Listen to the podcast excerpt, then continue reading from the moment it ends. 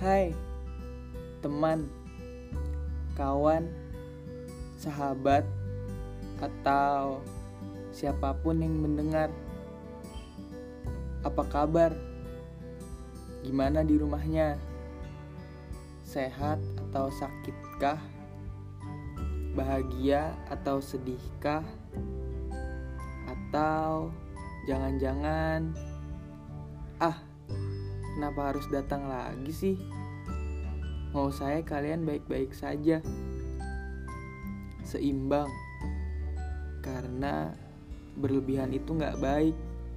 Apalagi kekurangan. Ya walaupun di luar lagi berlebihan banget. Cepat-cepat seimbang ya pijakanku. Di tengah kejadian luar biasa sekarang, saya ada kabar gembira loh buat kalian. Kulit manggis kini ada ekstraknya. Eh, eh, kok gitu? Enggak, enggak, bercanda. Kangen aja denger ketawa kalian. Hehe. Jadi kabar gembiranya adalah ada sebutan baru buat kalian para pendengar. Sebutannya itu Hmm, nungguin ya. Iya iya. Sebutannya adalah basis ubur-ubur. Iya, ubur-ubur. Eh, tunggu. Jangan ketawa seraya meremehkan hewan tak bertulang itu. Ingat, meremehkan itu nggak baik. Bakal jadi bumerang buat kita. Kenapa saya pakai ubur-ubur buat sebutan kalian? Penasaran kan? Jawabannya cari sendiri. Hehe, enggak enggak bercanda. Gak usah serius gitu dong. Jadi kenapa saya pilih ubur-ubur? Karena ubur-ubur itu nggak seperti kebanyakan biota laut lainnya dia bakalan terus berkembang pesat walau banyak yang menghalanginya. Kayak gelombang panas laut, peningkatan kadar asam laut, penangkapan ikan berlebih, dan berbagai ulah manusia lainnya. Uniknya, hal-hal yang menghalanginya itu malah menjadikan dia semakin betah. Persis kan kayak kalian? Chat nggak pernah dibales pada lagi online telepon nggak pernah diangkat karena lagi ada di panggilan lain. Bikin status yang isinya colekan buat dia bahkan gak pernah dilihat. Tetap aja kalian bertahan. Aduh kasihan sekali kalian. Tapi gak apa-apa. Namanya juga pilihan. Oke, balik lagi ke ubur-ubur. Kasian baru dikasih gelar masa udah digantung. Emang kalian?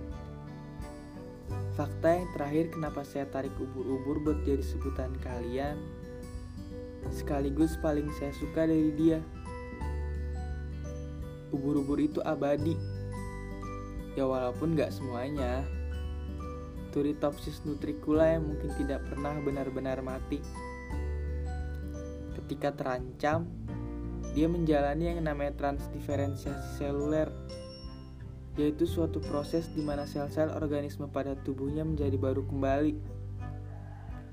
Walaupun sering disakitin, baik disengaja atau tidak, ubur-ubur bakal hadapin segalanya. Karena dia tahu yang namanya hidup itu memang menyenangkan walau kadang menyebalkan, mengasihkan walau kadang menegangkan. Gimana? Luar biasa kan? Di balik tubuhnya yang lembek, mata yang ia tidak punya, mulut dan anus yang menjadi saluran satu-satunya yang dia punya. Ternyata banyak kelebihan spektakuler yang ia pendam yang gak bakal kita tahu kalau kita bodoh amat terhadapnya. Dari ubur-ubur kita belajar yang namanya individu itu gak semua berkelemahan. Pasti ada setidak-tidaknya kelebihan. Karena ya emang semesta gak melulu ngasih kita kesulitan.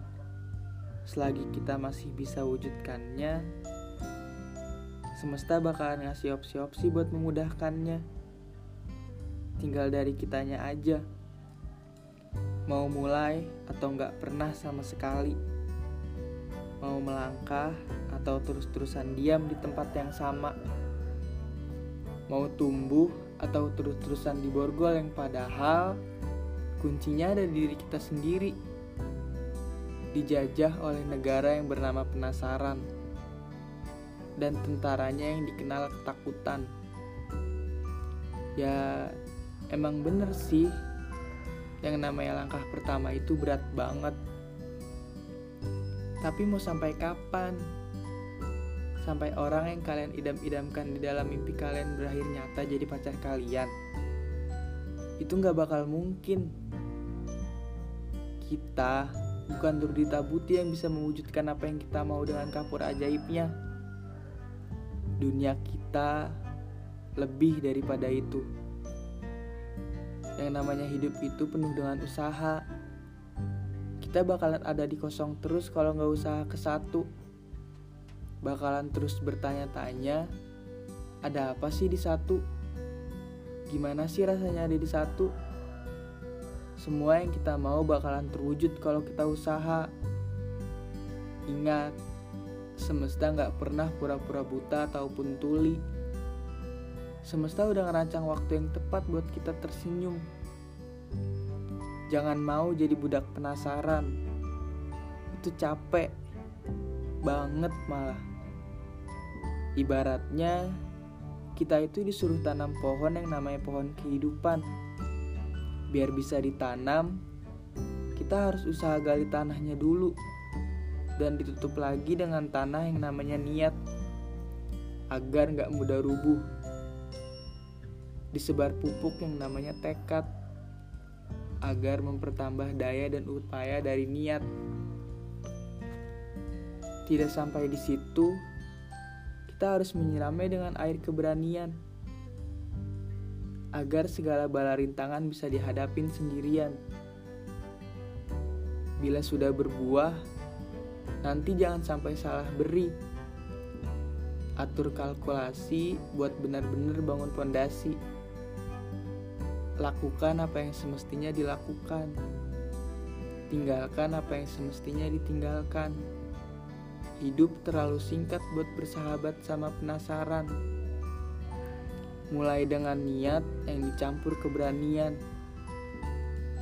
yang namanya perjalanan pasti ada rintangan yang harus dilewatin biar sampai tujuan ya nggak apa-apa kan udah ada keberanian yang dipupuk dari awal pokoknya buat basis ubur-ubur jangan mau jadi budak penasaran ya. Itu capek banget malah